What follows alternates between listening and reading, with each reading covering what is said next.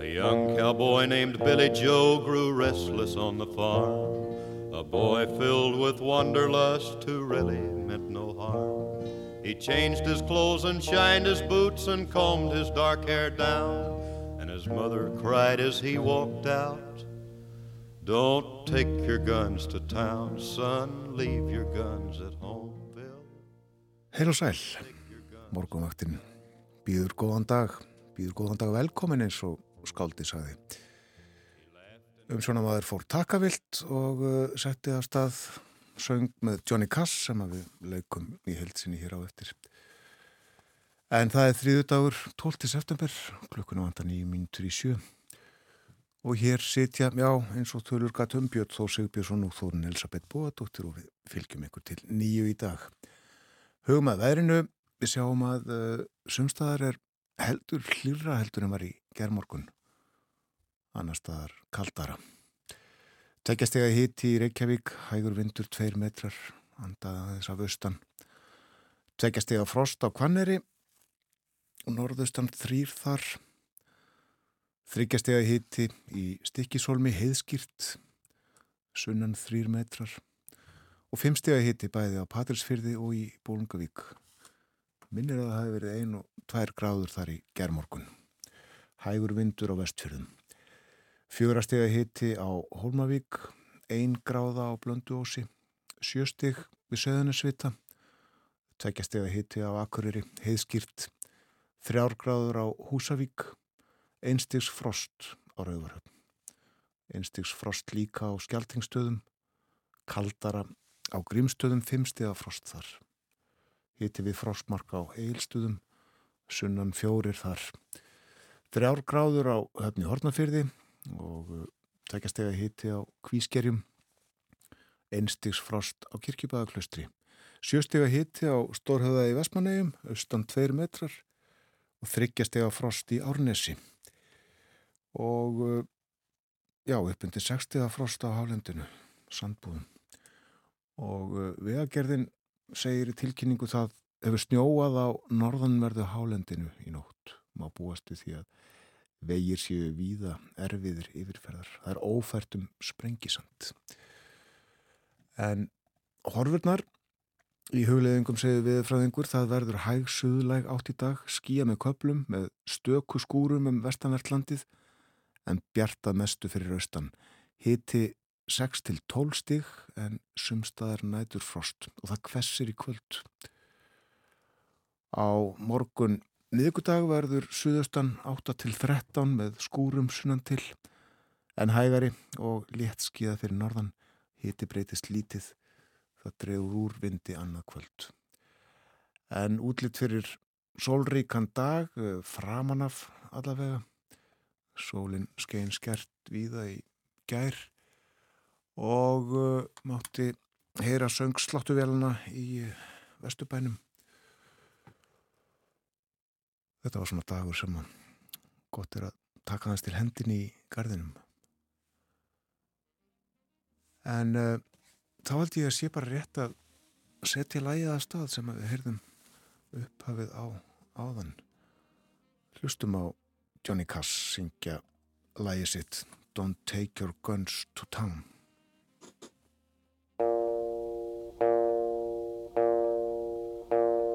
A young cowboy named Billy Joe grew restless on the farm. A boy filled with wanderlust who really meant no harm.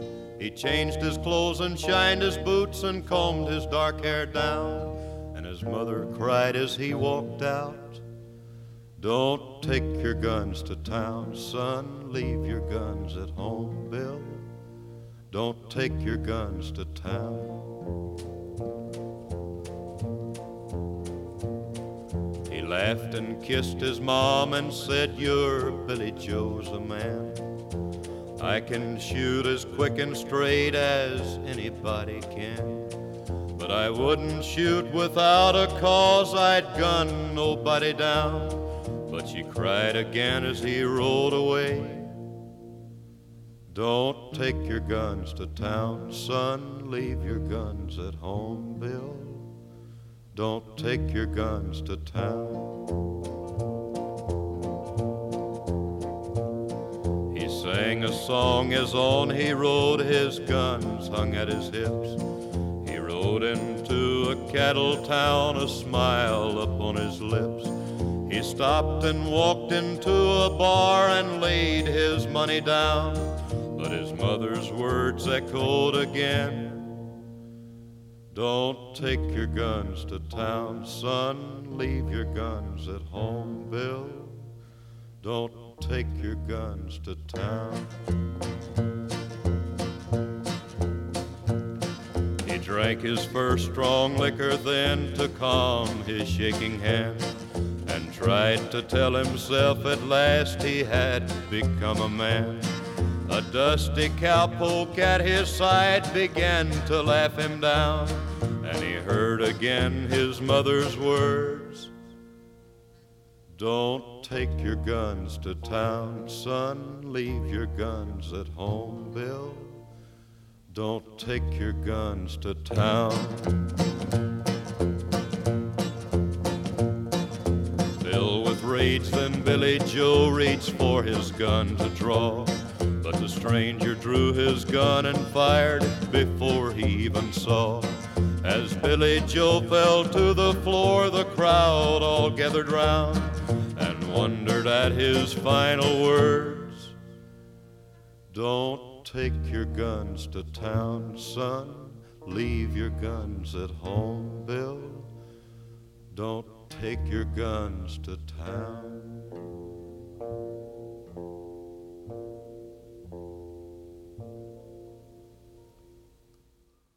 Johnny Cass saði ég sögu af pildi sem að taldi sig verið orðin fullorðin og ætlaði í bæinn sína sig. Mamma saði ekki fara með byssutnaðinnar það getur farið illa. En uh, hann fór með byssutnar í bæinn og þetta fór illa. Og þetta kennir okkur að hlýða mömmu.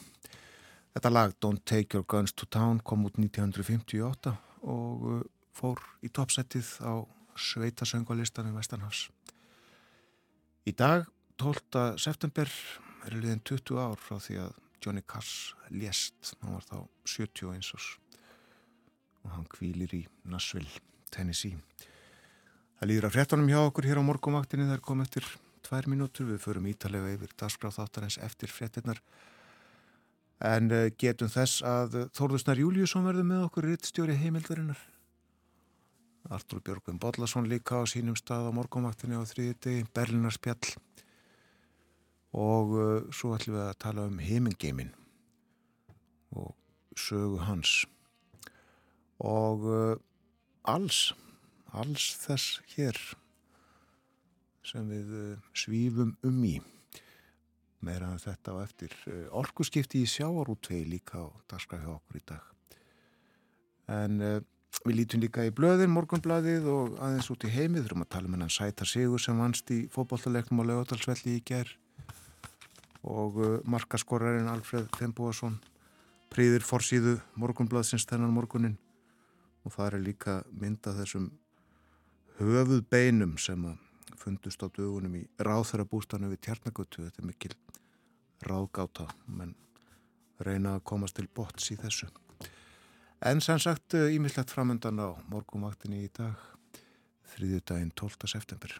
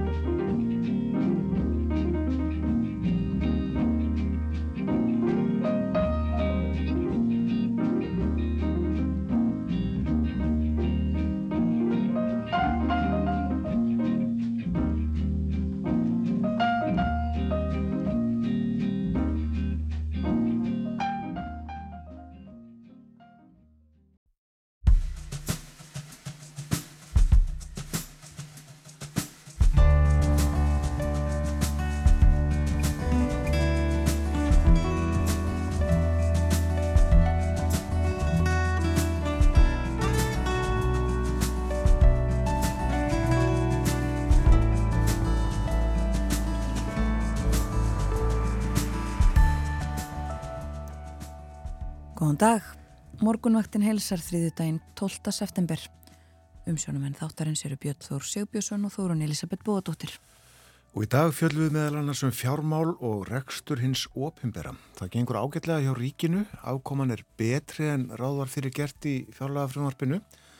En aðra sögu er að segja af sveitafjölugunum, mörgum hverjum allavegna.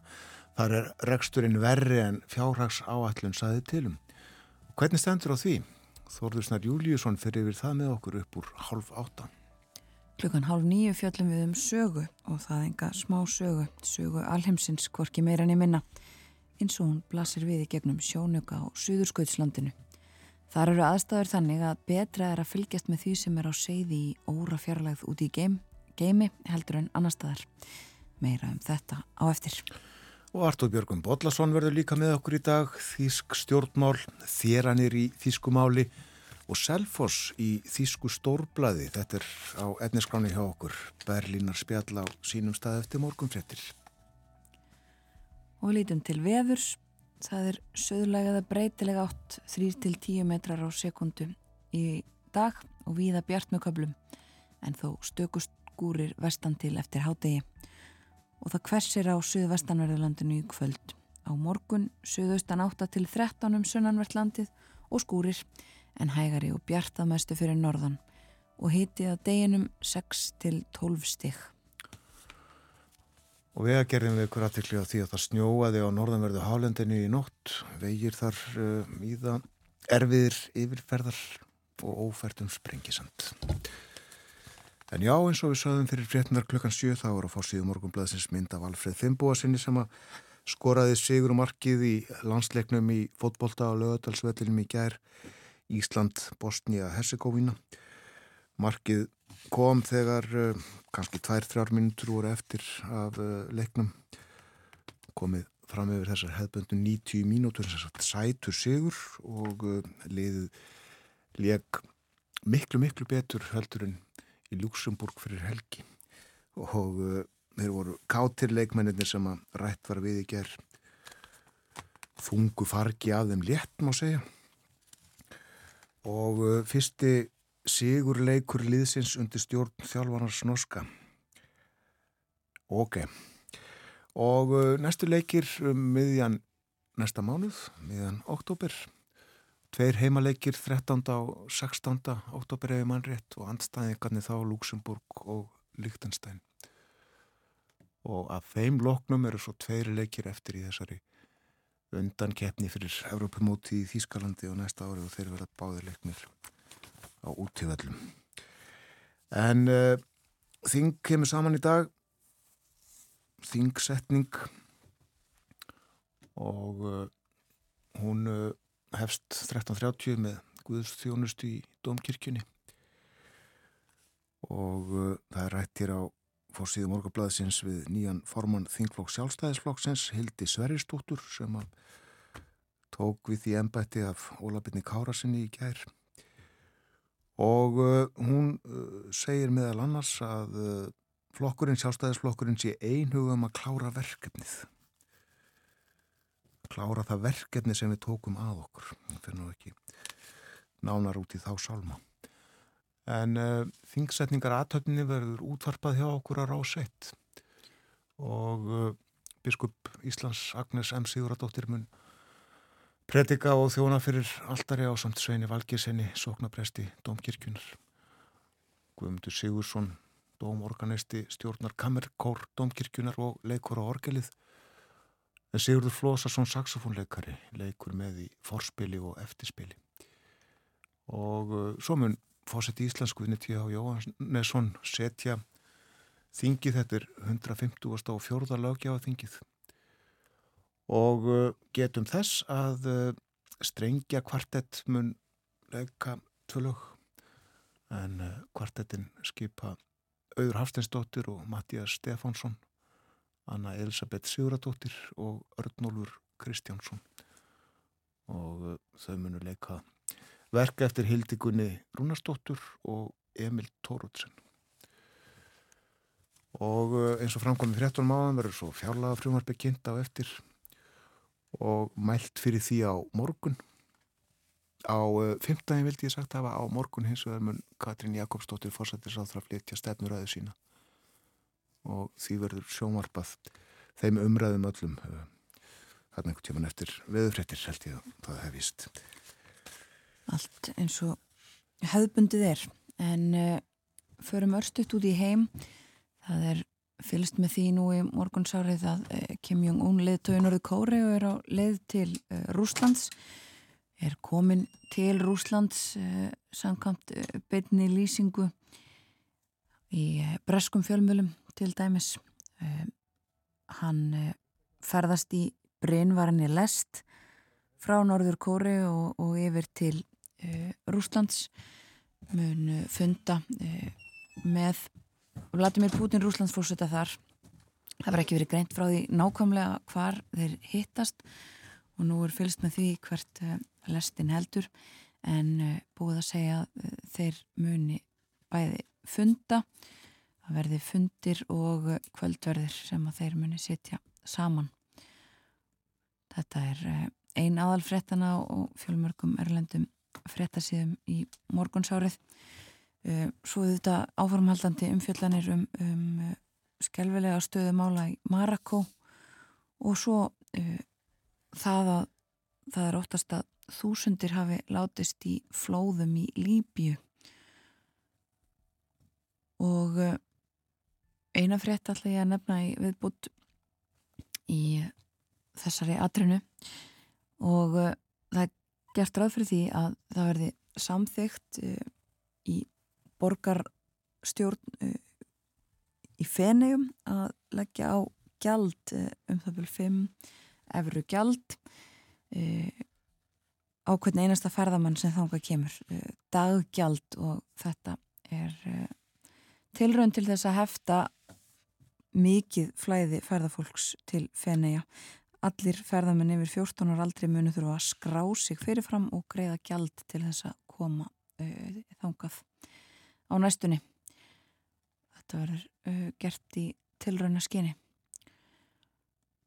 En uh, svo heyrðum við þetta frettir frá Noregi í frettunum áðan, sveitastjórnarkostningar þar og heyrum eflust fleira af því innan, innan tíðar og í frettum með morninum. En uh, segjum þetta gott í byli og fylgjumstu þetta áfram með og látum eitthvað vita ef eitthvað stort gerist.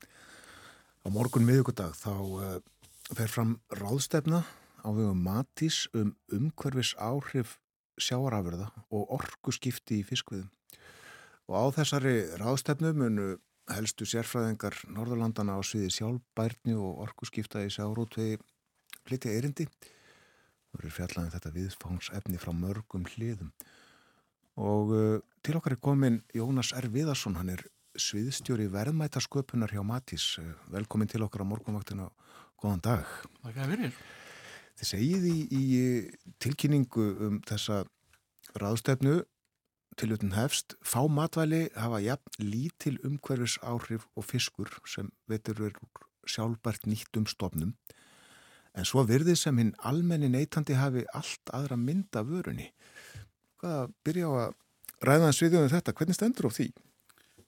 Ég, ég veit nú kannski ekki alveg beint hvernig stendur á því að ég hef góða útskynning á því en, en við þekkjum það náttúrulega öll að það fyrir mikið fyrir umræðu eh, alþjóðlega um áhrif bóttið að fara og uh, ofveiði á fiskistofnum og, og hérna það var nú mikið læti hérna fyrir tömur árum síðan þegar Seaspiracy myndi kom út hjá Netflix þar sem að, sem að dróða mjög svarta mynd af fiskveðum í heimurum en uh, þegar að litið er svona út í fræðin varðandi sjálfbærni fiskviða almennt þá, þá stendur svo grein sem bara nokkuð vel. Og ef við horfum á umhverjus áhrif þess að kólefnislosum frá hverju kíló af prótinu sem er framleitt þá, þá er erfitt að finna prótingjafa sem að hafa jafn lítið litla kólefnislosun en tala nú kannski ekki um sérstaklega hérna í Norður Allandshafi þar sem að, að stoplarnir eru sjálfbært nýttir og, og veiðum stýrt sangað bestu vístælu þekkingu. Já, en það er ekki allstaðar þannig. Langt, langt í frá sko um, og hérna það er, það svolítið Evrópa og, og Norðurlöndin skera sér pínulítið úr hvað það varðar að hafa mikið af vísnælegum gögnum um stoppstærðir og, og, og, hérna, og stjórna veiðunum á þann hátt. Uh, Norður Ameríka og Kanada eru, þar með talið eru, eru líka í nokkuð góðum málum en, en við annar staðar er, er vísnælegu grunnurinn kannski ekki alveg af mikill en, en enga síður þá, þá er víðaskvar verið að stýra stýra veiðum eftir bestu vísnælegu þekkingu, það er bara mjög sjönd hvers, hvers, hversu umfáðsmikil svo besta vísnælega þekking er. Já. En hefur margt verið gert og, og uh, fæst í, í rétta átt í umhverfis og orkumálum sjárótfjörsins? Algjörlega, við náttúrulega sjáum það hérna á Íslandi að, að hérna Ólíunótkun á hvert veitt kíló hefur snar mingað um, um alltaf 40% á síðustu 30 árum. Um, það er í og með náttúrulega vegna, vegna framþróunar en, en kannski fyrst og fremst vegna kótakerfisins og samþjöppunar sem að vísu jú hefur hafa önnur verri áhrif á, á, á eins og félagslega þáttin en, en það er ekki hægt að, hægt að komast hjá því að, að, að við kynna það að með þessari samþjöpun og, og góðri stöðu fiskistofnuna þá hefur, hefur oljunótkun per veitt kíló snarmingað. Helgast það þá því að skipinu er starri og, og hægtur að veiða fleiri fiska ja, eða hvað? Hvert skip náttúrulega hefur rýmri uh, aflaheimildir og þá þarf ekki að sigla jafn langt eftir aflanum að hérna og það hefur auðvitað áhrif, svo náttúrulega hefur orðið mikil ný, uh, þróun í í skipum og vélum og veiðafærum um, og allt þetta hefur sín áhrif, það er náttúrulega bara núna síðust tíu árum hefur orðið mikil fjárfesting í, í nýju skipum með nýja tækni, starri skrúfur um, hérna og, og líka náttúrulega eins og sé með með hérna uh, veiðafærin að það er búið að vera mikil þróun þar og þau eru orðið lettari og, og, og betri. Já, það skiptir miklu máli. Algjörlega. Um, eitt af því sem er verið mikið þróun núna er með, með hlerana og það er að, að láta þá ekki snerta botnin, draga þá aðeins fyrir ofan botnin og það hefur, það hefur áhrif. Já, það, það skiptir ykkurlega máli bæði e, upp á oljunótkunn gera og, eins fyrir botnin sjálfan. Algjörlega. Það er kannski gafin að nefna það núna að, að á þessari rástöfnu á morgun þar fáum við eina kynningu á frá, frá Danmörku á, á áhrifum tófið að fara á botnin. Eh, það kom út hérna fyrir tveimur árum síðan grein í Nature sem að fullirti það að, að botn, sagt losunin sem verður á botn, sjáabotni við það sem verður að draga eftir honum troll uh, losi jafn mikið af koldísingkólefnum út í andurslóttið og bara allur fluggeirinn í heiminum. Svo reyndar kom árið setna kom út önnur grein í í sama vísindarriði í Nature sem að, sem að gaggrindi fyrirgreinina þannig að núna ætlum við að fá sagt, sérfræðing á þessu sviði sem ætlar að ræða báðar þessar greinar og, og svona almentarinn að, að skýra út uh, þessi, þessi mál. Um, og reyna að segja ykkur hvað er satt og rétt. Já, allavega hans útgáða því. uh, það, það náttúrulega skiljanlega hafa smábóttu sjóman til dæmis haldið þessari fyrirgrein mikið á lofti og, og bara bent á það að það sé, sé óafsakanlegt að vera nota tófið að færi þegar það hafa þessi áhrif en, en raunveruleikunin er sá að, að fræðimenn er ekki allir sammálum það og það er svona gott að fá sjónarhátt sem flestra. Já, svo náttúrulega svo breyting orðið að, að nánast hvert einasta gramm úr fiski er nýtt með einum öðrum hætti. Á Íslandi, Á Íslandi en, en það er alls ekki það, svoleiðis allstaðar og, og við náttúrulega Ísland hefur hefur verið í farabróti varandi fullnýtingu og hefur verið að í raun að vera að breyða út það fagnar erindi á síðust árum og, og sjá að klassin hefur til, til dæmis gert frábæra luti hvað það var þar. Og talaður um þessar breytingar sem hafa verið gerðar á vélum skipana uh, þær eru allar meira að minna er það ekki knúnar ólíu samt áfram?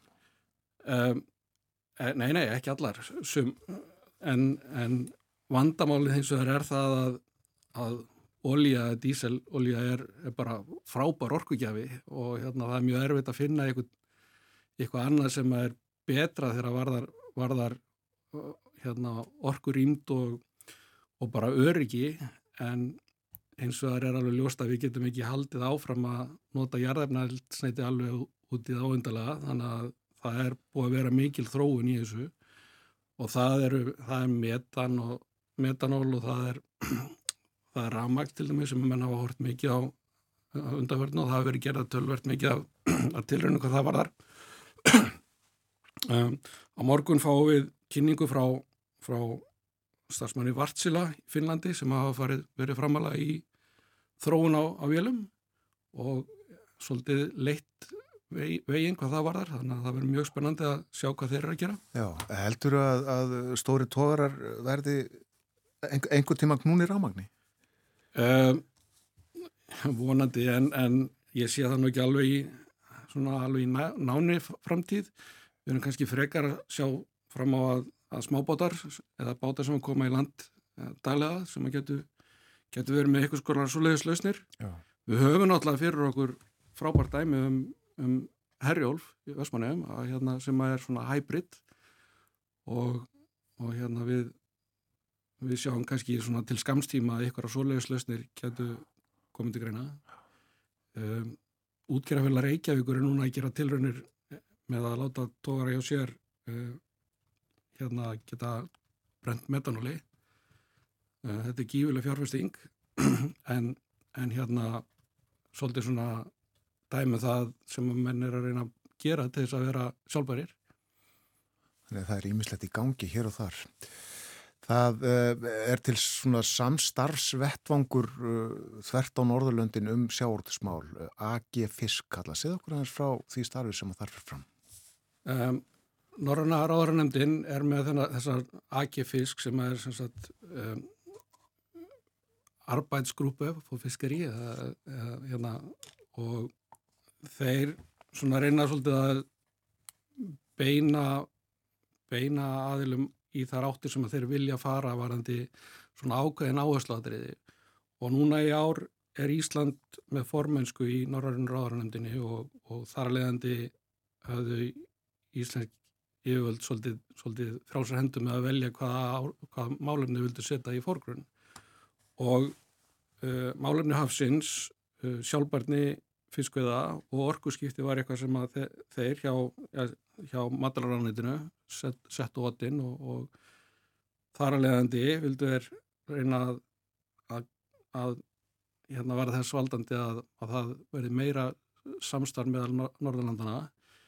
Það er til dæmis mjög mikið búið að vera að gerast í Nóri, þeir augljóslega hafa meiri peninga til þess að setja rannsóknir og þróun, þannig að það er alveg borlegjandi að við getum lært mikið af þeim og, og því var blásið til þessara rástefnu og við erum reynda með lítið vinnufund í dag þar sem við höllum að ræða samstarf líka þannig að hérna, þetta, er, þetta er allt saman þess, þessi rástefnu og þessi vinnufundur eru allt komnið til vegna þess að Íslandi með formönskuna og, og Norrannar áðurnöndin eða æggi fisk taldi að þetta væri eitthvað sem við ættum að leggja áslá. Já, og koma margir að utan frá hinnum Norrlöndunum og, og kannski víðar að til þess að fylgjast með og taka þátt.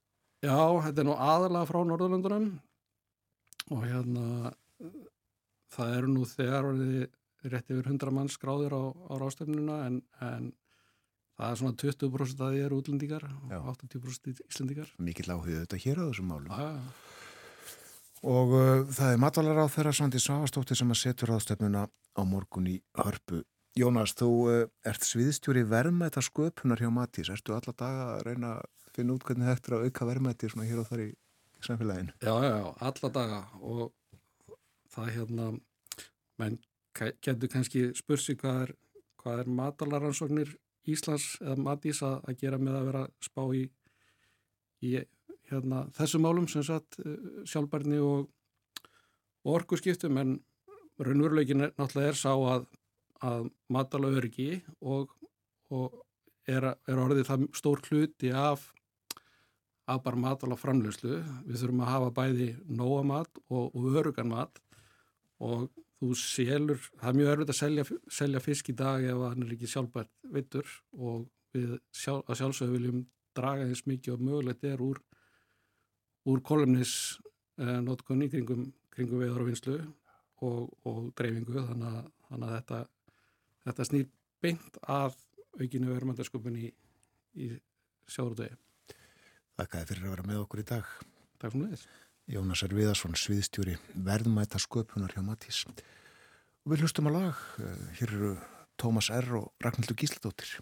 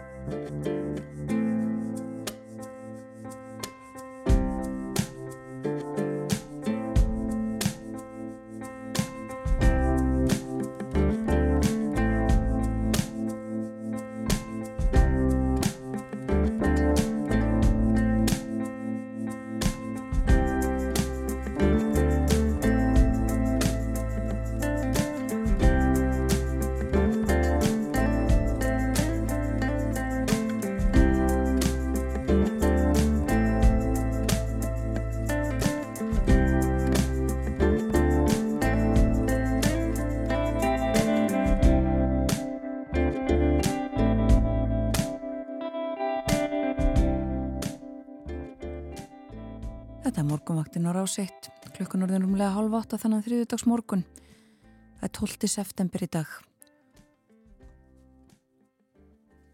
Og það er ímislegt framöndan hjá okkur á morgunvaktinni.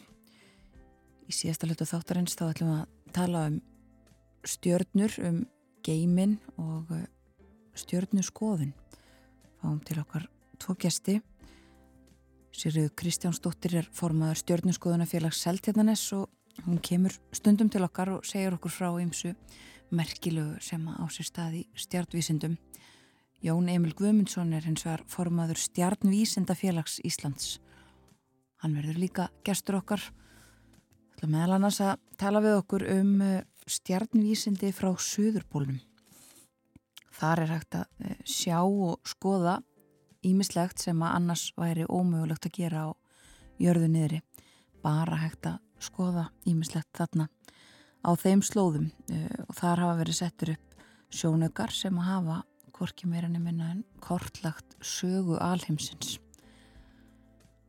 Og þau koma til okkar klukkan hálf nýju og segja okkur frá þessu og aðeins þessum félögum sínum og viðbörðum sem þau standa fyrir, fyrir almenning eh, vilja gera stjörnum og, og þessi fræði eh, aðgengilegri okkur sem erum ekki eh, vel á okkur kannski í, í þessu öllu saman.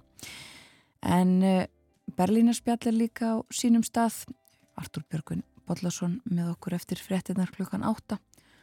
Ímislegt þar á efnisgráni þísk stjórnmál eh, þéranir í þískunni og svo líka Selfoss.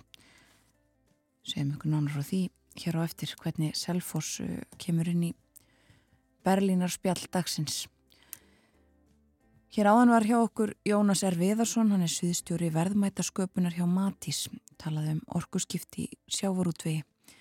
Og að spjallinu loknu þá líkum við lag og uh, þetta var lagið Þrent lagið eftir Tómas R. Einarsson við Ljóð Sigfúsar Daðarssonar það var Ragnhildur Gísladóttir sem söng og auk þeirra Ragnhildar og Tómasar Ómar Guðjónsson, Davíð Þór Jónsson og Magnús Tryggvason Eliasson sem voru þarna á hljóðfæranum en uh, Nú eins og eðulega á þessum tíma þrjöðdagsmótnum er komið að spjalli um efnahá og samfélag.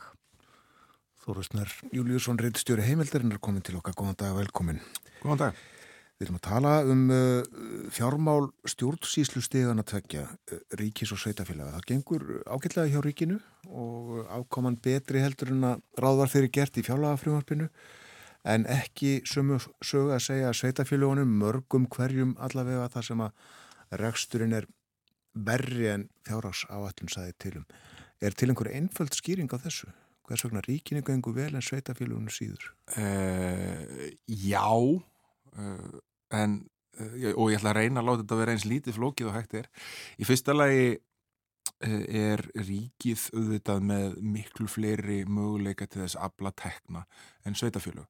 Sveitafélög eru með útsvar sem er, má bara hækka upp í hámark og svo fastegna skatta. Þetta eru svona megin tekjustofnar sveitafélaga, einhver sveitafélag hafa aðra tekjustofna eins og til dæmis Reykjavík hefur argreifslur úr arbæri fyrirtækis og orkuveitunni uh, og aðrir eigendur að orkuveitunni sem eru þá minnluta eigendur, Borgabið og Akranes uh, en það er erfitt fyrir borgina að abla tekna umfram þetta.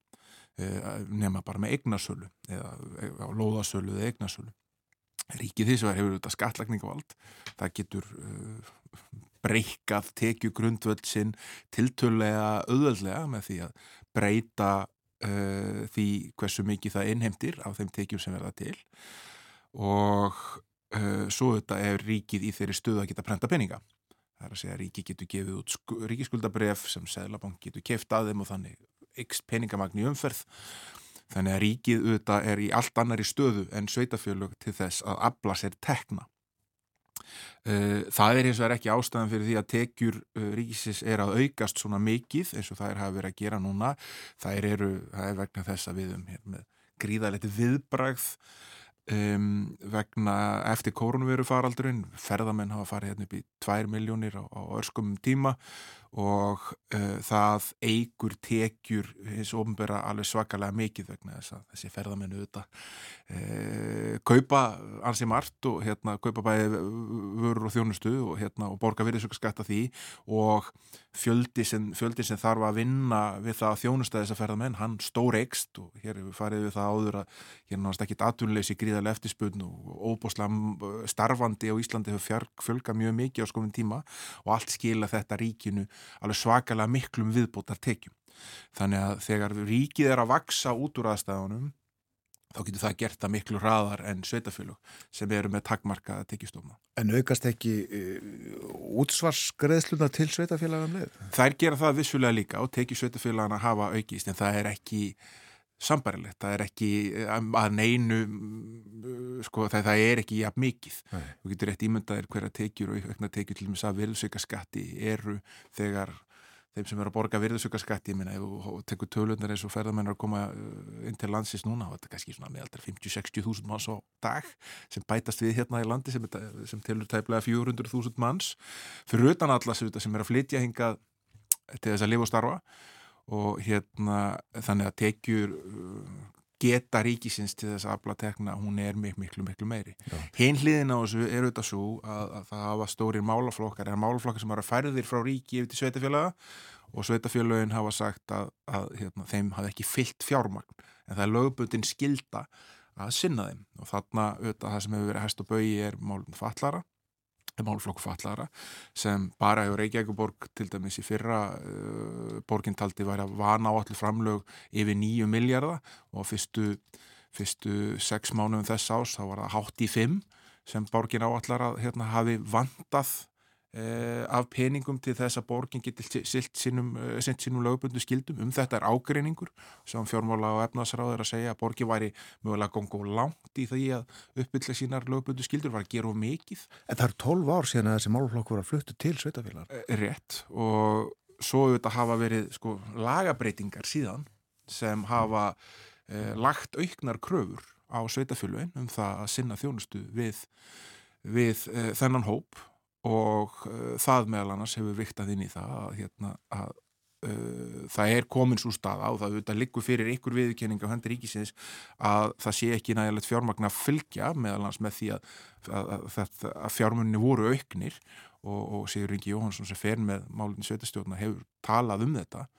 Uh, þannig að hérna, þetta er svona óleist en það sem er eins og það er sam, það sem ofnböru bæði ríki og sveitafélagin eiga samiðilegt er að verbolga fer hans í illa í, í, í uppgjörinu. Já, akkurat. Tölum aðeins um uppgjörið á Reykjavík eh, þessa fyrstu sex mánuði sem var, sko það skeikaði 13 miljónum um það bíl. Búist við 6 miljardar afgangi en, en niðurstaðan var 6 miljardar mínus. Er einhverju ábútafant í áallanagerðinni? Eh, ég held að meginu alveg fullir það það að hérna, þegar það skeikja svona miklu þá uh, hefði átt að gera betur varandi áallaningir. Eh, en þarna er þetta að tala um sko heildaruppgjörið á bjellutan og inn í því er svona mikla sveiblu sérstaklega varandi orkuveituna vegna þess að heimsmarkasverð á áli lækaði og það vegna þess að hérna, það eru afleður í uppgjöru orkuveituna sem eru bundnar söplum í heimsmarkasverðu áli og það er svona stæsta breytan í þessu. Eh, ef við horfum á þetta svona, uh, horfum á þann hluta sem er fjármagnar af skatteikjum og það því að í bjellutanum er orkuveitan annars vegar og, og, og, hérna, og félagsbústæðir hins vegar sem er risastort eh, íbúðafélag sem hafið 3000 íbúðir.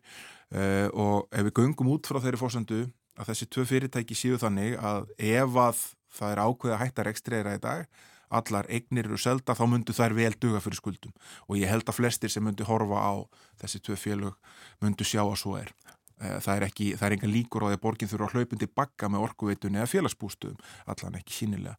Þannig að við horfum á þann hluta sem er fjármagnar að skattegjum þá hérna leitt svona sangat uppgjörnu sem var sendt á fjölmjöla og byrti kaupöld, leitt þetta nú bara nokkuð vel út. Það er hérna mikill viðsnúningur. Tap, eh, tapið var eh, miklu minna en eh, til dæmis á fyrstu þremur mánuðum þegar var 2,2 miljardar allt í nú var tapið á fyrstu 6 mánuðum 921 miljón og og svona skuldatölur bötnuðu umtalsvert hérna, og maður fór að klóra sér þessi höstnum í þessu vegna þess að maður gæti ekki almenna lesið út úr tilkynningunni af hverju þetta var.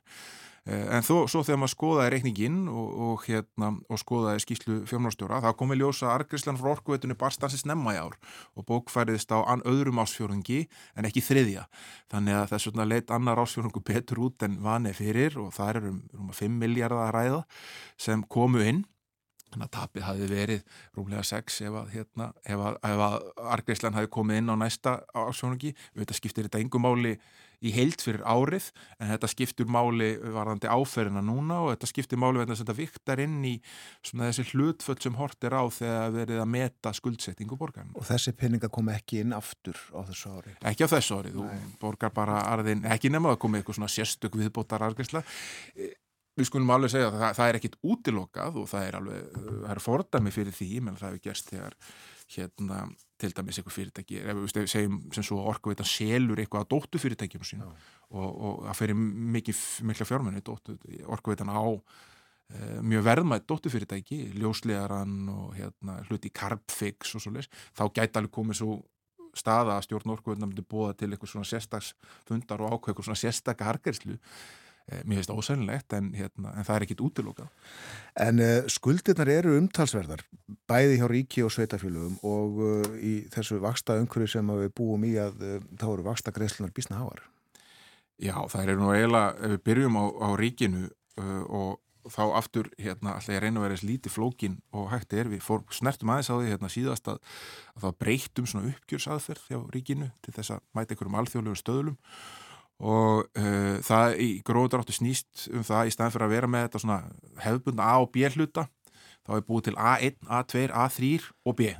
Og það hérna bæði sko þá er A hlutin A1 hlutin, þessi frumjöfnuður sem fjármála efnaðsraður var að, að, að hérna, tala um að, að hafi batnað svo mikið, það eru sagt, ríkistofnanir sem eru og okkur ríkisæli sem eru fjármagnar fyrst og síðast af, af e, skattfjörn og svo eru sko A2 stopnarnir ímis fyrirtæki sem voru ekki inn í uh, A og B hlutanum áður uh, A3 fyrir ekki og svo er A2 til dæmis uh, eitthvað eins og í eldsjóður sem hérna við hefum nú rætt hér áður og hefur komið fram að muni kosta að óbreyttu ríkisjóð 200 miljardar og, hérna, og er orðin þannig að hann getur ekki ríkið þarf að fara að leggja honum til fjö ef ekkert verið gert í hans málum árið 2034 þannig að þegar frumjöfnurinn er regnaðar þá er til dæmis íelsjóður ekki inni í þeirri tölu Nei. Uh, ef við horfum bara á gömluleiðina uh, það er að segja afkomuna þá er hún þannig að það var reiknað með að heldar afkoma Ríkisjós í fjárlögum er þið neikvæð um stóra tölur. Já, mjög stóra tölur. Hérna finna þetta hérna. Um, uh, og hún endaði með að vera 176 miljardar eh, neikvæð sem fyrir á bérlutan uh, og sem er umtalsvert umfram það sem áallanir uh, gerðu ráð fyrir. Það er hún 175,3 miljardar neikvæð og það er meirinn hún var á árun 2021 þegar hún var mínus 124, 100, 130 Þannig að hérna, þarna er aukning á milli ára og það útskýrist auðvitað kannski fyrst og síðast á því að hluti af skuldum ríkisjós eru verðtriðar, þrátt fyrir miklu herri tekjur en ríkið var með árið áður vegna þessu fórum yfir hér áðan, tekjurnar jökus vel á 300 miljard á milli ára, þá eh, er það þannig að skuldirnar hækka afborgarnir af skuldunum hækka alveg svakalega rætt í svona umhverfi sem við erum með núna með háa verðbólku. Ja og skuldir eh, ríkisjós í heild eru orðnar uh, í lok ás í fyrða uh, 3245 miljardar króna sem er ja, 600 og tefnilega 630 miljardar meira en það voru árið áður. Uh, og aftur verður að hafa í huga að hérna Eh, að ríkið er líka síðan að breyta þessum uppgjörsaförum með þessum flókna hætti Já. til þess að vera samburðarhæft við önnu lönd en kannski ekki þó samburðarhæft við fyrir ríkisreikninga. Er þetta eitthvað til þess að hafa þungar áökjur af? Eh, ekki hjá ríkinu, nei. Skuldarhlutvall ríkisjós hefur verið eh, til dæla skaplegt. Ég held að það eru þetta ágefni hvað ríki er að greiða mikið af skuldum. Það eru mikið af peningunum sem koma inn sem farið það að greiða skuldum. Það hlutfall er mjög hátt í öllum alþjóðlega samburði hjá okkur Eh, en ríki ræður vel við þessa skuldsetningu sem uh, það er í núna og, og þessi ákvörnum það að vaksa út úr þessum vanda sem skapaðis vegna koronaviru vandans, það er eitthvað sem ríki getur vel gert.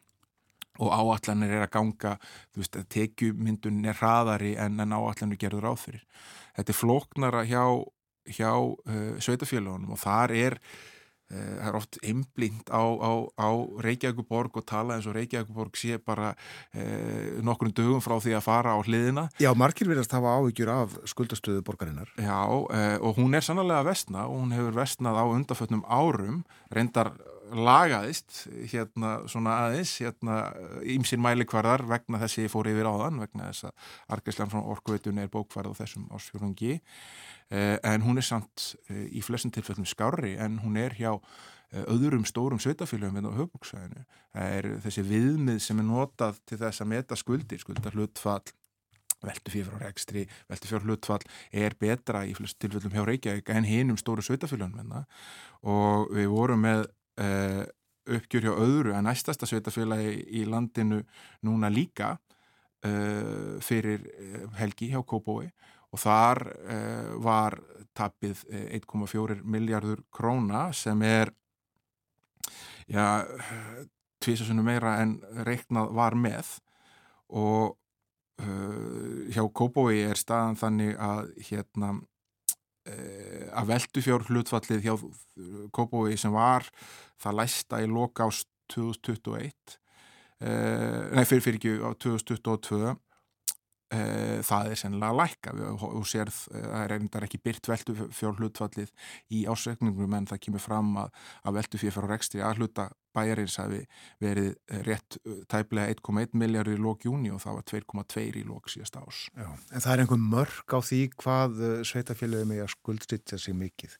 Þau eru flest undir því, þeim mörgum eða hvað? Já, já og þessi svona þessar umræður fara svona doldi eftir hendur líka hvoru meginn sem sko fólk setur eh, hérna ef að fólk er fylgjandi einhvern veginn svona meiri hlutanum í Reykjavíkuborg og sem sem svo að álverð hafi hækkað og, og bjellutin er að skila inn einhverju miklu eða, eða íbúðir í eigu félagsbústaf að hækka mikið verði þá fyrir allt í einhver hópar að tala um eh, hérna, já við verum að horfa A og bjellutan saman hérna til þess að sína fram á hvað, hvað heildarmyndin er, er, er, er í raun góð. Já. Og svo þegar þetta fer á hinvegin eins og gerist núna hérna, að hækkanir og íbúðum félagsbústa eru minni en reikna var með í áallanum og, og, hérna, og, og það er eh, breytingar á, á, á uppgjöri orkuveitundar vegna þess að álverði heiminum er að lækka sem hefur ekkit að gera með svona gangmála dagstæðilega í Reykjavíkuborg þá fara hinnir eh, sem eru ansnúnir meira hlutanum að benda á það að hér sé bara einhvern veginn gjaldtrótt yfirvandi og hvort er auðvitað rétt. Eh, sannleikurinn er eins og oft vil vera eitthvað starf þarna á milli. Já, þetta er auðvitað pólitík. Og það er þannig að, hérna, að staða uh, sveitafélaga yfir höfuð, hún er krefjandi. Það er eh, erfitt umhverfi fyrir sveitafélagin núna. Það er bara þannig. Og uh, hún hefur farið vestnandi og Reykjavík er ekki þar undanskilin.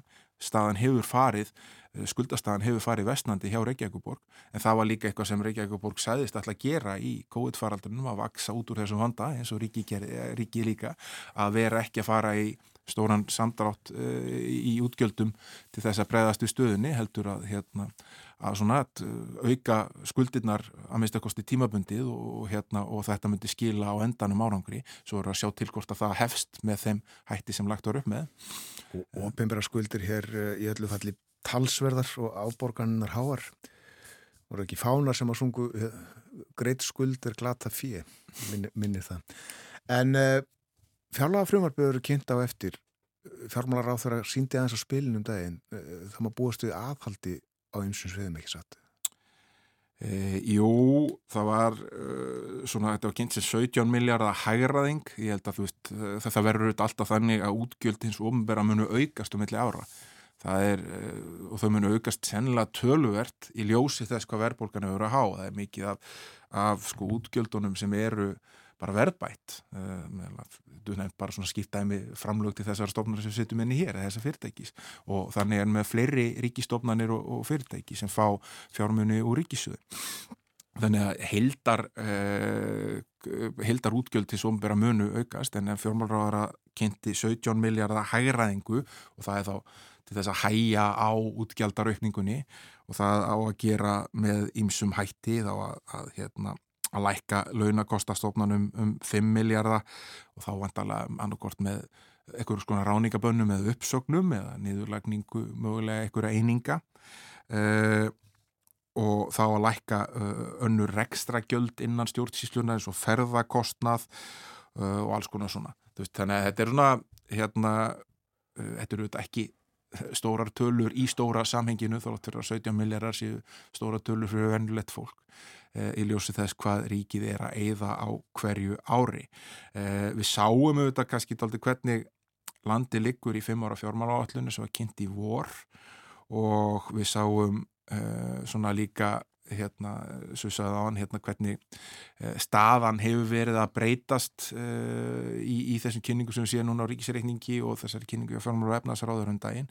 Uh, en ég held að það líki fyrir að, að, ríkisjóður reygin áfram í Halla. Já.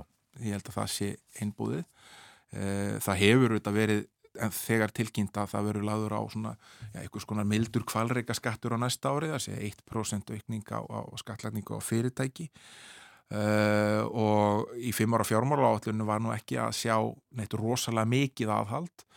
Uh, og svo eru auðvitað, mjög skipta skoðunir um það hvort að ríkið að fara í eignarsölu til þess að til þess að laga stöðuna til skamstíma og það eru auðvitað fyrst og síðast horta á eftirstandandi hlut í Íslandsbanka, þar verist ekki vera eining innan ríkistjórnar um hvaða leiði að fara í því í ljósi þessum við erum átt sér stað hérna eftir síðustu sölu. Já.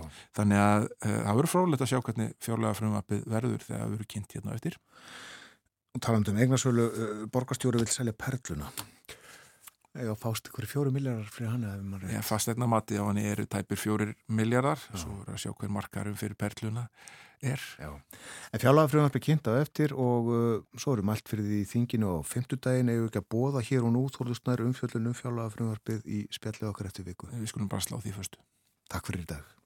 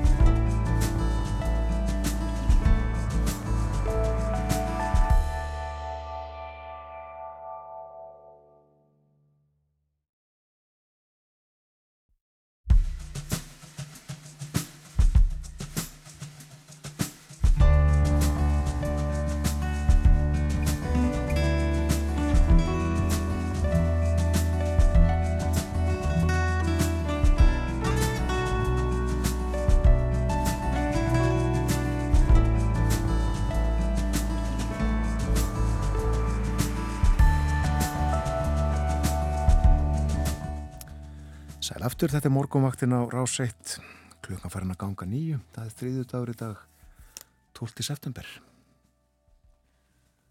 Og þá færði yfir veðurhorfurnar hér í fréttatímanum rétt á þann ágettis höstveður viða við, við nefndum það í morgun að hvað það farið að snjóa á fjallvegum var það ekki? Það nálgast uh, kuldin og uh, september líka að verða hálnaður og haustinu fylgir það að alþingi fer á stað eh, fjárlega frumvarpið verður kynnt eftir uh, tæpa klukkustund. Það gerir fjármálar á þeirra Bjarni Benediktsson. Svo verður alþingi sett eftir hátegi í dag og við myndum stáða hér á þann að setning alþingi sér í beitni útsendingu á ráseitt þetta hefst klukkan hálf tvö held ég. Og uh, svo fer þetta allt af stað eh, á morgunir stefnir aða fórsetisráþara annað kvöld og svo á 50 dag þá hefst þingið eh, með eh, já, fyrsta frumvarfi sem lagt er fram sem er fjárlaga frumvarfið sem Bjarni Benediktsson kynir eftir skamastund alltaf farið fastaskorður en það er ekki hauslegt um að litast í Berlín þar sem Artur Björgun Bodlason er stattur, það veit ég, góðan dag Artur Björgun Góðan daginn Ekki hauslegt, nei, það er sumarlegt en þá en uh, það er eins og er líka uh, alltaf full í pólitíkin í Þískalandi rétt eins og hér á Íslandi.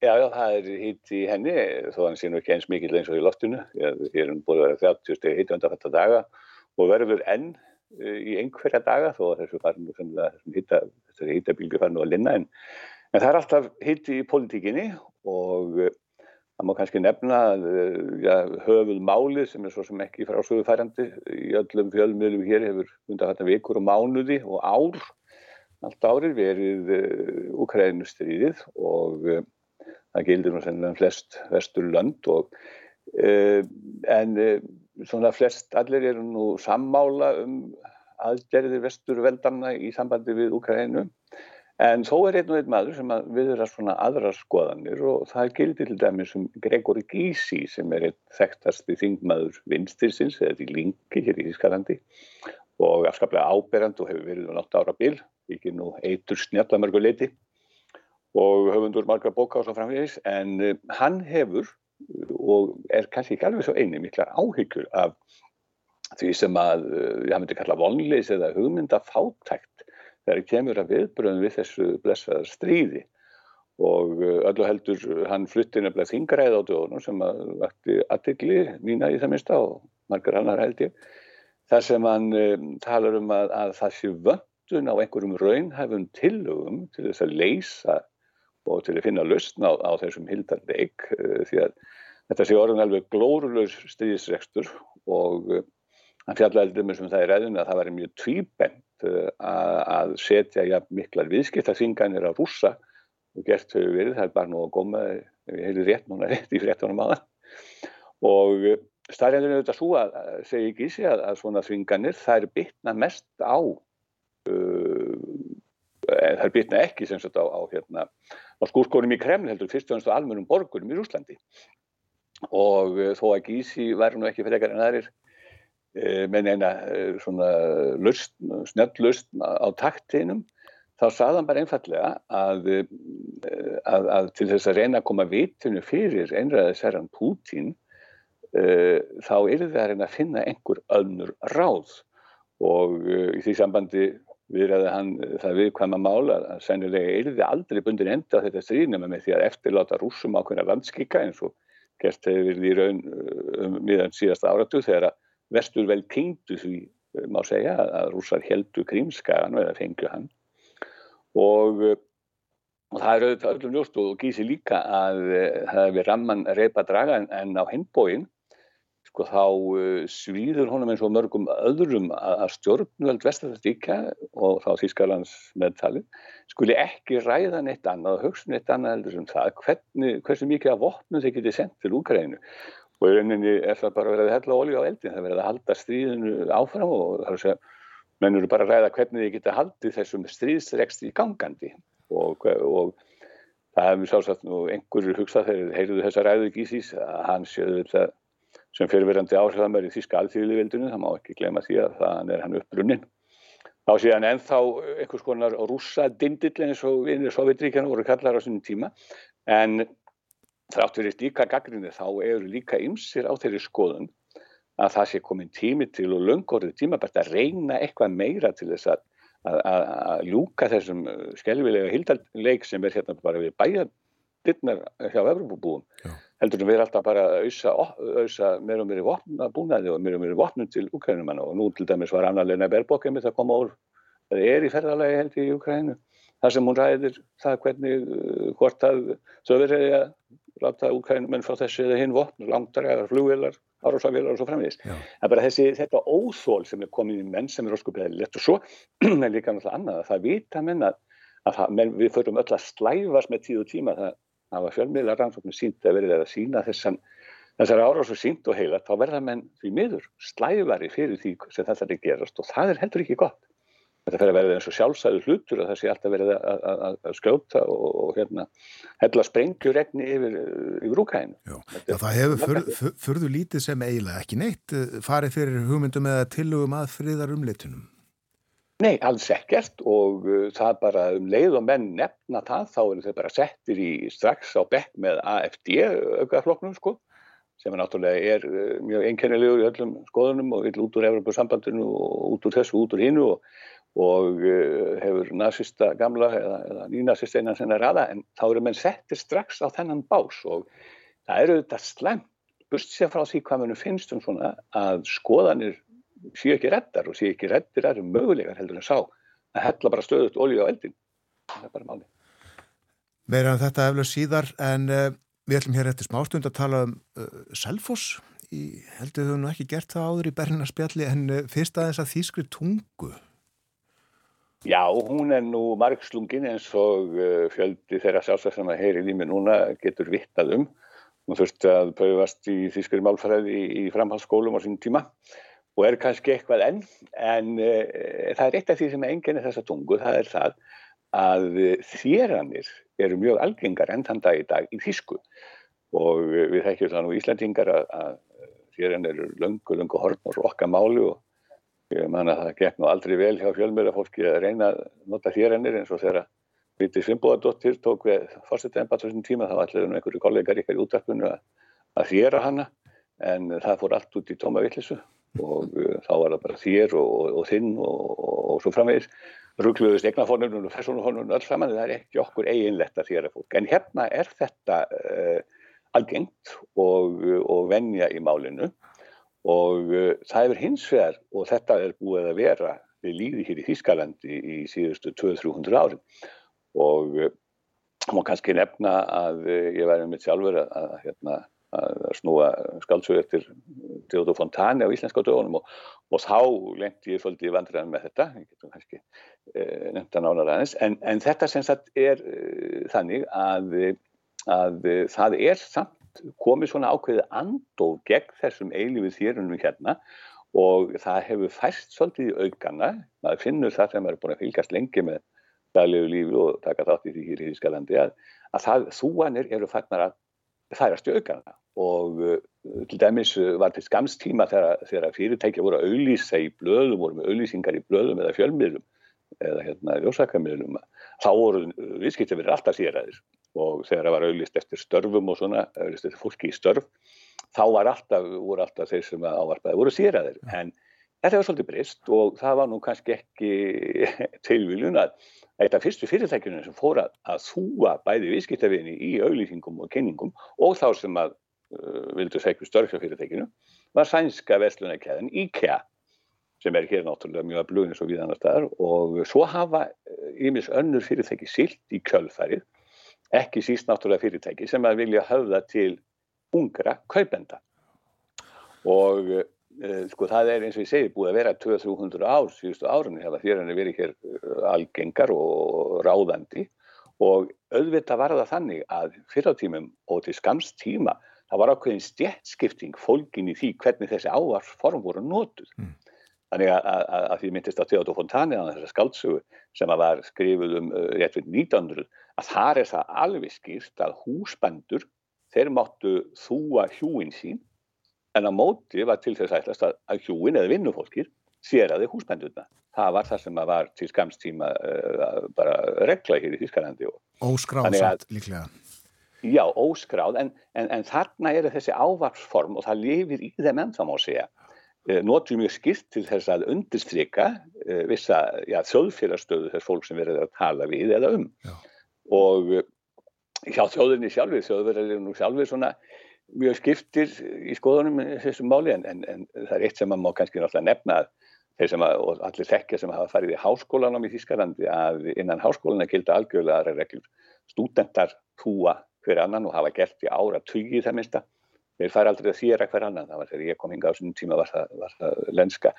En uh, aftur á móti þýra þeirra sjálfsögðu læri feðuna nema hvað ég mann þegar ég kom hinga á svona tíma þá var svona það voru 68 menninni komnir inn í háskóluna og maður fekk suma þeirra sem kennara. Og þá voru þeir að breyta þessu, þá vildu þeir allir fara að þúa þá líka. En verið það nefndunir og framstakni væru þeir áttu svolítið erut með þetta. Og, og, og þetta sko í síðustu viku þá var ég mitt að þess vegna þetta mér þannig í hug var ég að lesa grein eftir bladamann hjá tímaritinu Stern sem er nú ekki í halsam tímaritum að síðu væri það fyrir eitthvað frálsklind blad þar sem hann var að amast við því að honum finnist að alltaf verða algengar að verið þúaður í tíma og ótíma og ókunnugu fólki sem hann eftir samskipti við. Og mér fannst þetta svolítið skrítið og ekki skrítið því að, að þetta er sko, þú ert í sjálfur sér ert að sína já, ekki áðurfyrverða sína viðing og svo framvegis og, en þú ert að halda fólki náttúrulega í ákveðin í fjarlæð með því að þýra það. Og það er ekki dörfis og, og til dæmis að, að, að maður sko, ég var að skoða hvað fólk segir hérna á þýskum samskiptamilum um þessu mála, að þá sér maður mjög mikið aðtöðsendum og ekki bara frá eldra fólki þar sem að fólk vil halda í þýrununa og margir segja, mér finnst að það er að þið geta haldið ákveðinni fjarlæg gagvar fólki sem ég vil ekki endilega koma allt á nálegt. Það er mynd það. Þú nefndir, nefndir útvarpið áðan okkur hér á rás eitt en hvernig er það? Er viðmælendur í útvarpið í Þýskalandi þýraðir? undatekninga lítið og uh, til dæmis mann ég eftir því sem dæmi sko að eitthvað tíma þá lendi ég nú í því að, að ég hefði gefið út bóka þýsku og þá fór sjónvarpið þýska heim og vildi taka þeim í viðtali í, í læk í landmannarögum og, um, og ég þekkti sem sagt að farin að kynnast uh, þeim sem talaði við mig og við töluðum saman alla leðinu på hálendið og þú unst. En svo sagði mér mér, nú er ég að segja bara þér við þig að því það verður ekki í sjónvarpinu. Þannig að ég held allt í hennu Bollason en ekki Artur þegar hann kom til mín til að tala við mig fyrir myndaðina og þetta er, þetta er það sem er lenska hér að, að þjera fólk í, í fjölmjörnum en það er kannski eitt sem á kannski bæta því við þarna að nú hafa sko ungliðarsefing jafnaðarflokksins hér í Berlín sem er nú framsækinn hópur hefur lagt til þess að, að, að þessar þjeranir verði aflaðar í þýskum skólum. Það hefum ekki fallið í góðan til þess að bæta andrumslætt þetta er svo, við erum alltaf fundist það fáránlegt í þýskum framhalskólum að upp að við sem aldrei uh, þúa þúa kennara nefndu sína nefndu þú alltaf kennarana en þá þúa nefndu kennarana sína svo þegar krakkartu verða held í átjánara þá er skilt að þá er það er þeim sem áður hitt muller þannig að það var max eða eitthvað svolítið þá verður það að fara að þúa þá. Þeir fara að þýra á sig fara að þýra á móti sko. og þetta er svolítið, svolítið hjákáttlegt í augum okkar Íslandinga en, en þetta er nú svona sinni síður í hverju landi og, og og það er bara, þú getur ekki hér í Þískalandi rókið eins og stúdenta gerði í Galanda, en ekki þekktu þetta á eitthvað eldra fólk út og eldri manneski út og götur og það terðu þau, segðu mig hvað er klukkan? Nei. það gengur ekki sko, því að við komandi snýst það bara undan og hefur enga klukku til að segja þér myndum hana.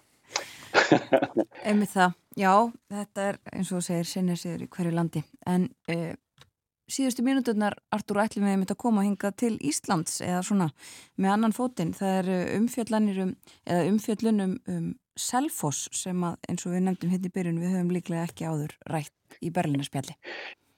Nei og ég minnist þess að heldur ekki að Selfoss hafi fengið heila síði í Þísku stórblæði uh, á mínum felli hér úti Hæ. og uh, það er nefnilega þannig að um helgina í helgarblæði dagblæsist í veld, eða veldam sondag þá er þessi gríðarlega stóra grein á baksíðu ferrablaðsins á mjög áberðandi stað í blæðinu um Selfoss og heitir gamli, nei, nýji gamli bærin og Guðfadir Selfissinga og uh, þetta er mjög þáttítt að svona stór kynning á Íslensku bæjarfélagi bestist í blöðum hér í Þískalandi og uh, en bladamæðurinn sem fór heim til þess að dynna sér þessi mála, hann uh, skrifa þarna feikilega stóra grein um þennan nýja gamla miðbæja á Selfossi og, og rekur þar ekki bara tilur þessar nýja miðbæjar segir nákvæmlega frá því hvernig eh, búið sé að byggja þetta 15 af alls 50 húsum þar sem að sé verið að, að, að, að sko sjöma ræða nákvæmlega eftirlíkar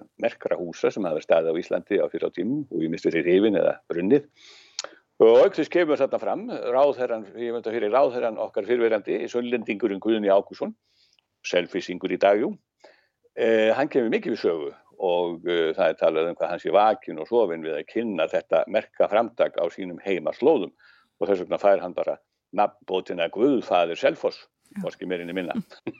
Og það er sagt að hann hefur verið á Ítali þá hefur hann örglega verið patti eða Guðfaður kallaður því að það eru örgljósta að hérna bladamannunum eh, hefur komið þótt mikið til eh, Guðun að koma og, og hefist af hans frams, setningu og hans kynningu og þessu öllu saman.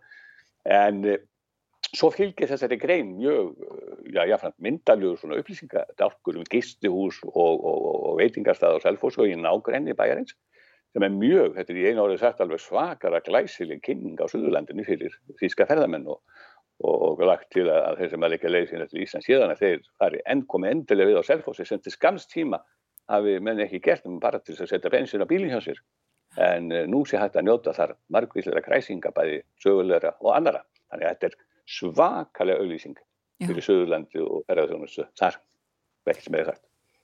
Einmitt það, og líklega til þess að uh, já, fá fólk til þess að uh, koma til uh, Íslands koma og, og hafa viðkoma á selfósi er um, þetta ferðarblad og þetta, þetta er mikið, mikið skoðað, mikið lesið?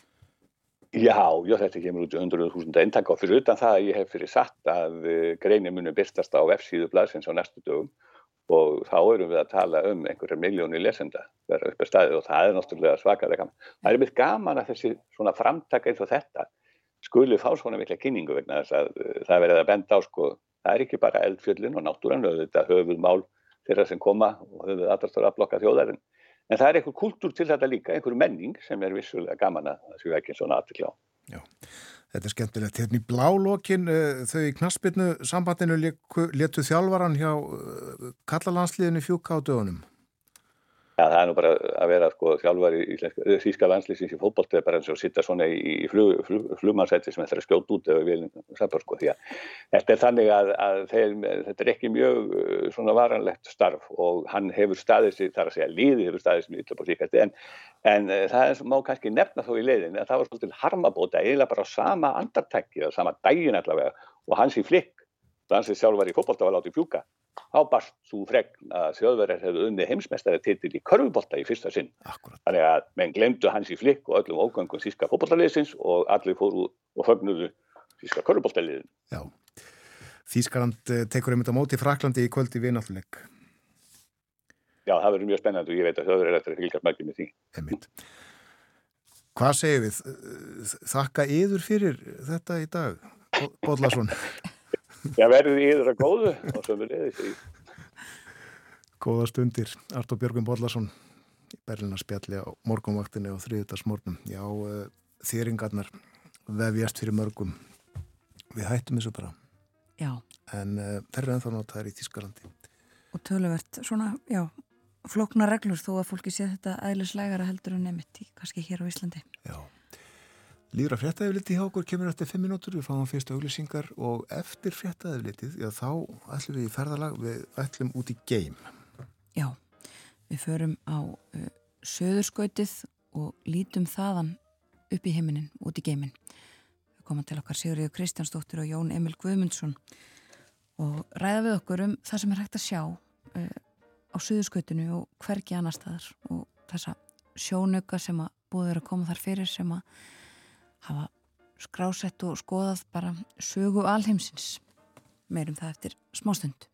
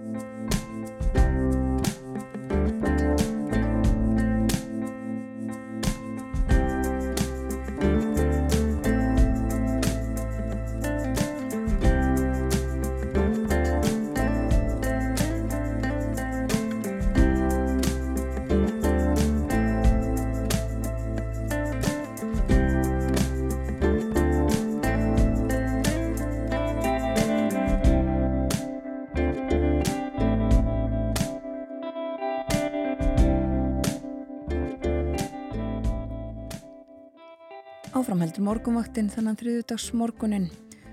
Síðastu hluti þáttarins er framundan klukkan orðin rúmlega hálf nýju. Og við höfum komið viða við.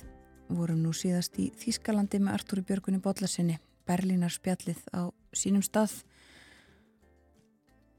Þar á undan rættum við um fjármál, efnahag og samfélag með Þórðisna Júliusinni og snemma í morgun þá voru það orkuskipti í sjáarútvegi. Töluðum um sjóin hjá okkur var Jónas R. Viðarsson frá Matís. En uh, í síðasta hluta þáttarins þá förum við á Suðursköldslandið og uh, út í geim þaðan. Til okkar eru komnir tver gestir.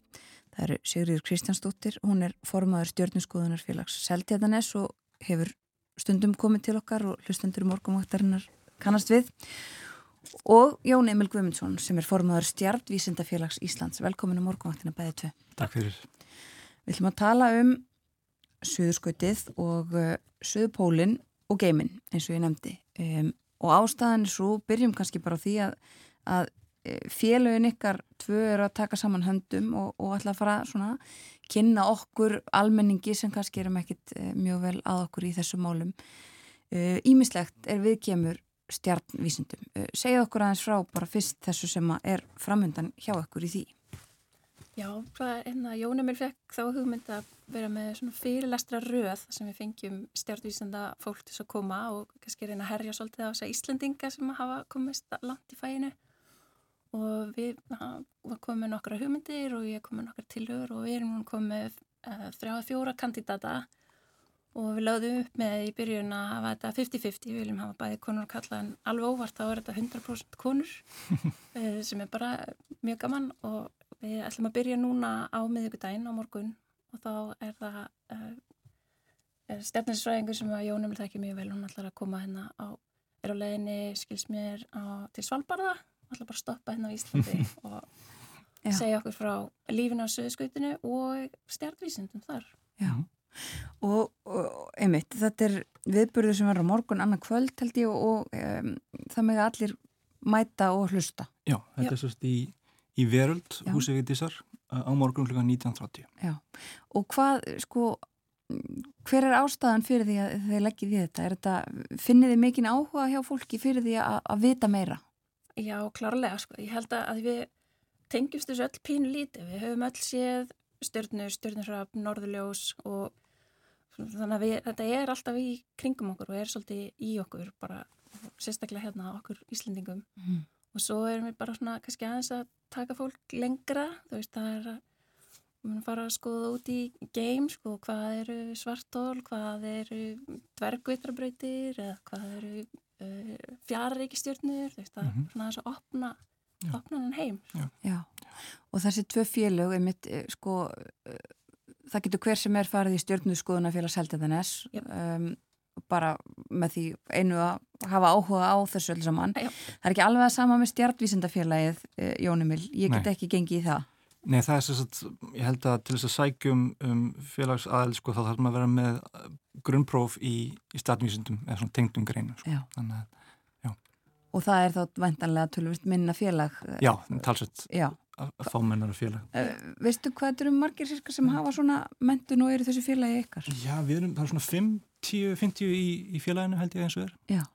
Og já, kannski hvað eru margir í stöðniskona Við erum svona 250 já. Já, ekki allir alveg jafnvirkir Nei, en þetta er þú starfar við uh, þetta já, líka jú. hjá Háskóla Íslands? Já Já. Jú, hann að ég, ég er lektor í staðninsvæði við Háskóla Íslands og, og þetta, þessi fundur er líka sko, gerður í samstarfi við, við Háskóla Íslands um, og ég raun og verið fengið að fylgja Sösi svolítið gegnum tíina, við byrjuðum í doktorsnami á, á sama stað, á sama tíma.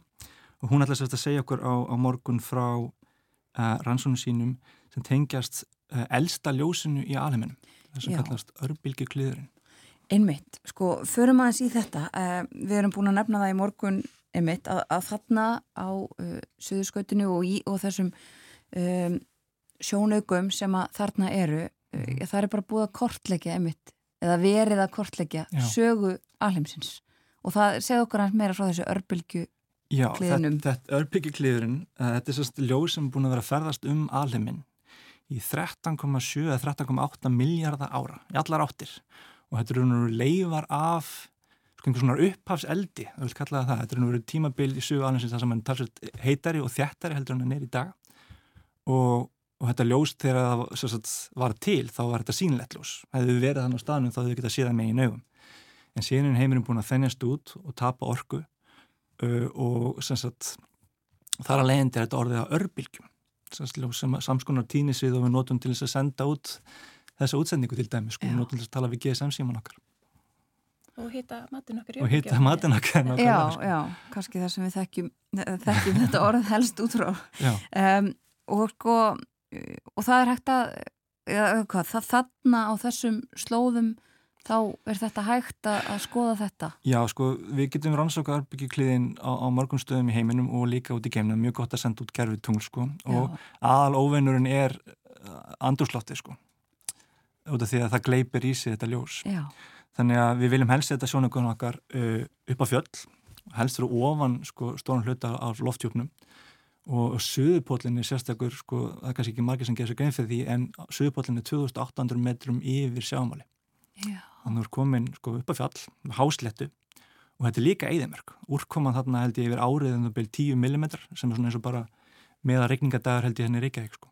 þannig, þannig að þetta er eitthvað sem gerir það að verkum að þarna er gott að líti út geim. Nákvæmlega, og svo er nóttin alltaf, hún var í 6 mánu þegar sólinn sest og sér hann ekki aftur í 6 mánu þegar þau verða á söðupónum og, og svo, svo er líka kallt hana sem því að það all vasku og hún frýs bara og fælt í jarðar þannig að það, þess vegna er þetta svona góð stað sko. Einmitt. Og þarna hefur sérst þá verið komið fyrir eh, sjónögum og, og fólk er þarna við vísindaransóknir eh, já, hvað, allan ásins ringi eða bara þessar sex já, mánuði eða? allan ásins ringi sko á stuðupónum ég hef ekki farað þanga sko en ég veit að sé um hundra mann sem að vinna þar á sumri mm -hmm. Um, og á vetuna þegar stuðupólinn verður sko óaðgengilegur, þú er bara fastur hérna uh, þeir eru hundur byrjum 40 manns held ég. Uh, og Sasa Rólin sem er að fara að koma og segja okkur uh, frá sínum störum á morgun, hún hefur farið held ég áttasinnum á Suðurskuslandi síðan árið 2014 og hérna um, meðal annars er ferðarlagstað sem hún var þarna í meirin tónmanni sem því að hún var þarna á það sem kallaði winter over á ennsku hún var þarna yfir hávetur Já. og það er ekkert rosalega margir sem hafa fengið upplegað það. Nei, þannig að hún ætlar ekki bara að tala um um eitt uh, sko, já það sem að hægt er að sjá þarna heldur líka bara lífið og tilveruna hvernig upplifin það er að vera þarna. Já, ég er með svo marga spurningar sko. Já, ég er ekki búin að sjá fyrirlestum sko en ég veit ekki alveg nákvæmlega hvað það er að segja. Ég heldur muni líka svolítið tala bara um vísindin og, og rannsóknir sínar en þarna ég vona það og, ég baða hann um sagt, að tala svolítið bara um lífið Já. á Suðuskutinu og þú hefur komið þánga líka ekki alveg á Suðupólinn en á Suðuskuti Já, ég var hann að 2014 í, í þrjá mánuði á stað sem heitir McMurdo Station sem er þá þetta síðsta höfnin í heiminum. 78. breytagráðu og þarna kemur ísklúður einu svona ári með óli og, og vistir en á summun þá eru undan beð þúsund manns á þessum stað. Og þetta er mjög áhugaverð stað fyrir marga sækir eh, þetta er sérst sögulegu staður. Þeir sem hafa verið að hlusta á eh, hérna eh, í ljósi sögunar hafa kannski hlusta á Ernest Shackleton og sögur á þeim til dæmis. Og þeir, þau voru þarna á, á þessum stað á, á leiðinni á pólinn sko. Og hvað varst þú að gera þarna? Ég var að vinna að tilun sem að Lofbergstilun sem heitir Spider og held að Sasa muni kannski svolítið talum á morgun líka. Já.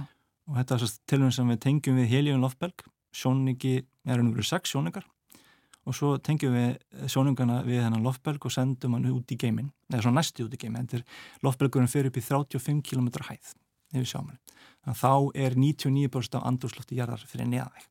Þannig að þetta er svona um, sko ódileið til þess að komast út í geim.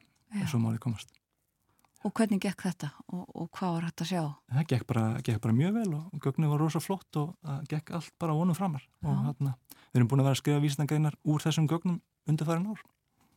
Og svo fór þessi sama tilhörnum aftur í loftið núna bara síðlinn jól og hérna gekk líka vel. En þú fórst ekki þá? Nei, ég fætti ekki, ég, ég, ég mér langaði mjög mikið en ég bara komst ekki. Já, ummitt. Helviti langt, er. Já, Já uh, hvernig ferðast maður þangað?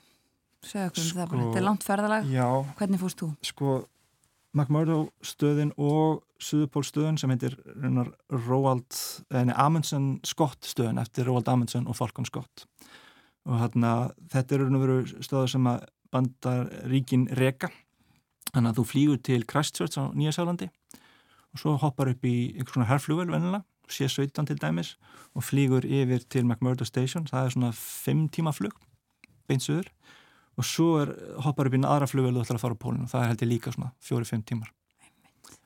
Þetta er svona verið sem maður bara þekkir ekki. Nei, akkurat, þetta er svolítið eh, framandi svona okkur mörgum allavega og það er náttúrulega hluta þessu sem þeir eru þau líka að gera að færa þetta nær okkur, okkur hinnum mm -hmm. um, Sýrjur, við hefum stundum talað um þú komið til okkur nokkur svonum og, og þá hefum stundum talað um sko konur í stjartvísindum og þú myndist þeim þetta á það á þann þetta eru, þetta eru konur mikið til sem ætlaði að fá til ykkar. Uh, sko ég bara förum að yfir, yfir stöðuna á því. Bara konum í, í fremstu röði þessu. Þeim er alltaf að fjölga sko. það bara eru fleiri og fleiri sem að segja mann kannski svolítið að þú veist það er höfðu allan tíman fulla rétt á að vera á, í þessum stöðum sko en höfðu bara ekki tækifæri, fengu ekki að menta sig fengu ekki stöður fengu ekki að hérna, mentun við hæfi. Það er hérna það var stort svona fyrir bara í Harvard háskóla. Það var svona bara stopnun sem var að reikna út stjórnfæri rannsóknir það var fullt af konum sem að unnu þar sem tölfur og þetta var mm -hmm. tölvudeildin í þessum hópi, það voru bara konur. Mm -hmm. Og þær máttu til meins ekki vinna við að taka actual mælingarnar í sjónugunum því að þeim var náttúrulega ekki, konur máttu ekki vera út um miðjanótt að, að sinna einhverjum sjónugum sko. þær fengið að vinna úr öllum rannsóknunum sko. og eina ástafan fyrir því að þær voru fengnar í þetta var að það var að borga þeim miklu læri laun heldur en Karlkins eða, eða mönnum Karlkins mönnum. Og eina af þessum konum var Henrietta Svan Leavitt sem að sko gerði mjög stóra uppgötun sem að ættir hún veru eh, verðskuldan ópersverðin ég alveg klálega Já. Já, og það hefur verið svona undanfæri þá hún fann upp lögmál sem er núna að fara að kalla eftir henni Já. henni svona lögmálið Já. Já, þetta er einmitt, þetta er að breytast uh, hvernig er staðan á, á þessu uh, já, bara til dæmis við Háskóla Íslands eða í, í ykkar félagi, Jón Emil? Hún er bara ekki nógu góð held ég, liða mér að segja. Það, það þarf fleiri fyrirmyndir Já. og það er bara starrend Já, við erum komið eina mjög góða núna Ása Skúladóttir sem fekk stóran styrk fyrir síðustu viku. Já, ég held það. Þannig, Hún er algjör stjarnar í þessu. Já. og við ætlum að erum búin að erum að plata hana til þess að koma og vera með eirindi hérna á Íslandi. Og ekki alveg ljóst kvinnar en þú veist, á stjartfæleginum tímaskala þá er þetta mjög stuttanga til Já, einmitt það getur verið, verður einhvern veginn í vetur vonandi Já, það Já. Já. og þið ætlaði að halda þessu áframsegiði í vetur um, og uh, það geta allir uh, eða öll geta komið og, og, og fylgst með líka uh, ef að fólk hefur áhuga að vita meira og fylgjast með þeim þegar ásakimur eða, eða fleiri Jú. til ykkar uh, hvernig er hægt að fylgjast með því? Við notum nú Facebook svolítið mikið, það er auðvitað að ná til fólks þannig já. Að, já, svo fáðu kannski að koma til ykkar. já, við munum allavega að reyna að fylgjast með og segja frá þegar að þetta, uh, þegar að svo verður, en, en fyrsti fyrirlestur er þetta á morgun og, mm -hmm. og uh, þá verður það söðurskautið og uh, söðupótlinn sem verður til umfyllunar. Hvað, uh, hver eru verkefni dagsins hjá ykkur uh, Sirður á viðstofunni og, og, og Jón Emil í, í, í háskólanum. Ég er að fara í jarðskjálta þjálfun í dag, læra um stóra jarðskjálta á Íslandi og viðbröð og hættumat. Já. Ég er að fara að fjögra tíma sumfund. Já.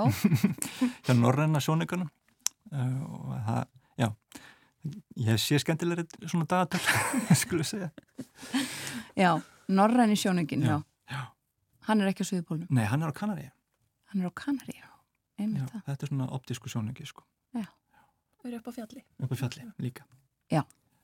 Kæra það ekki verið að koma til okkar bæðið tvö og, og segja okkur aðeins frá uh, þessu öllu saman og uh, þessi fyrirlestu sem við byrjuðum á að, spjallum verður annarkvöld að halva åtta í veröld húsi Vigtísar og uh, markmiðið að, að uh, gera almenningi kleift að, að fylgjast með og læra aðeins meira uh, um geimin, við erum allavega eh, margsvísari. Takk bæðið tvö.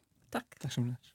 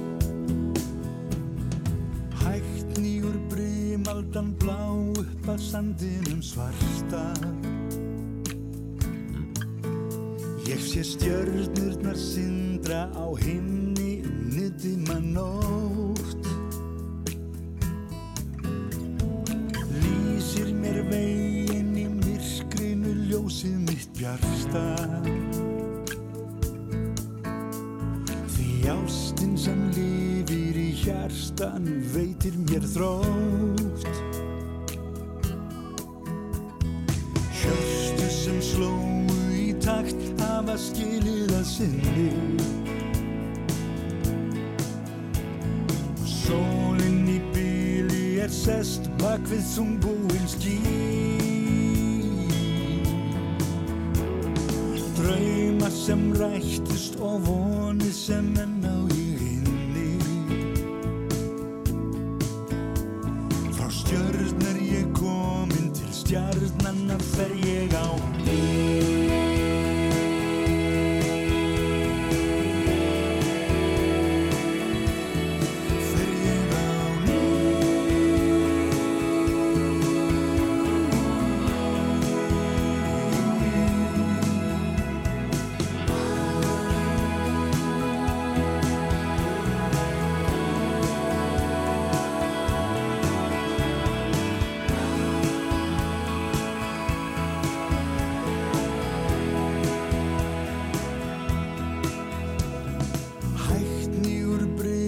Brimaldan blá upp að stórgrýttri ströndu. Og bráðum skín sólinn svo björst gegnum óveður skín Við siglum í meðbyr og mótir með seglinu þöndu. Frá stjörn ertu komin til stjarnanna ferðu á ný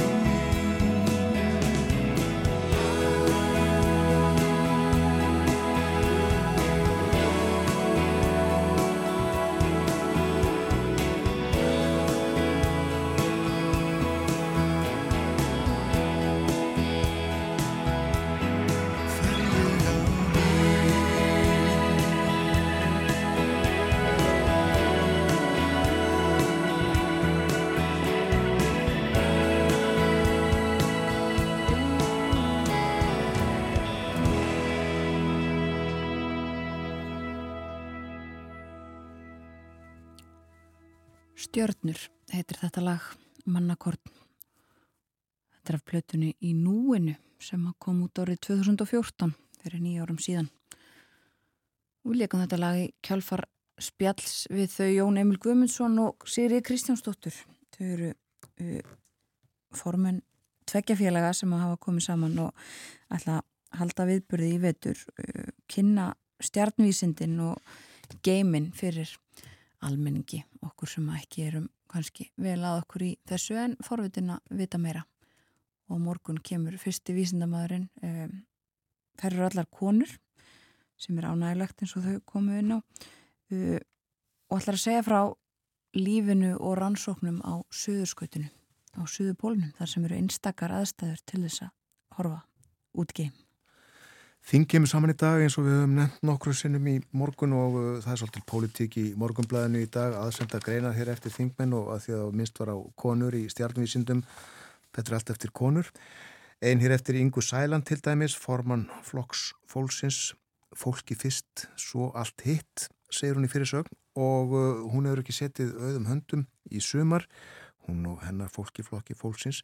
Og uh, hún bóðar að uh, strax í dag þá muni flokkur hennar leggja fram ríflega 60 þingmannmál sem eru meðal annars til að tryggja öllum þau grund og alla mannréttindi að hafa þakk yfir höfuðuð, geta tryggt sér og sínum fæði, klæði og húsnaði og uh, áframheldur ynga í greininni.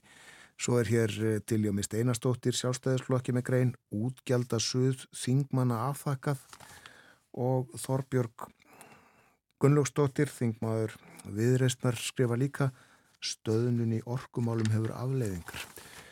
Og uh, Tryggvi Gíslason uh, fyrirverandi skólamestari mentaskólans á Akureyri skrifar grein í bladið um þessa fyrirætlan skólamálar á þeirra um að samina mentaskólan á Akureyri og verkmyndaskólan á Akureyri.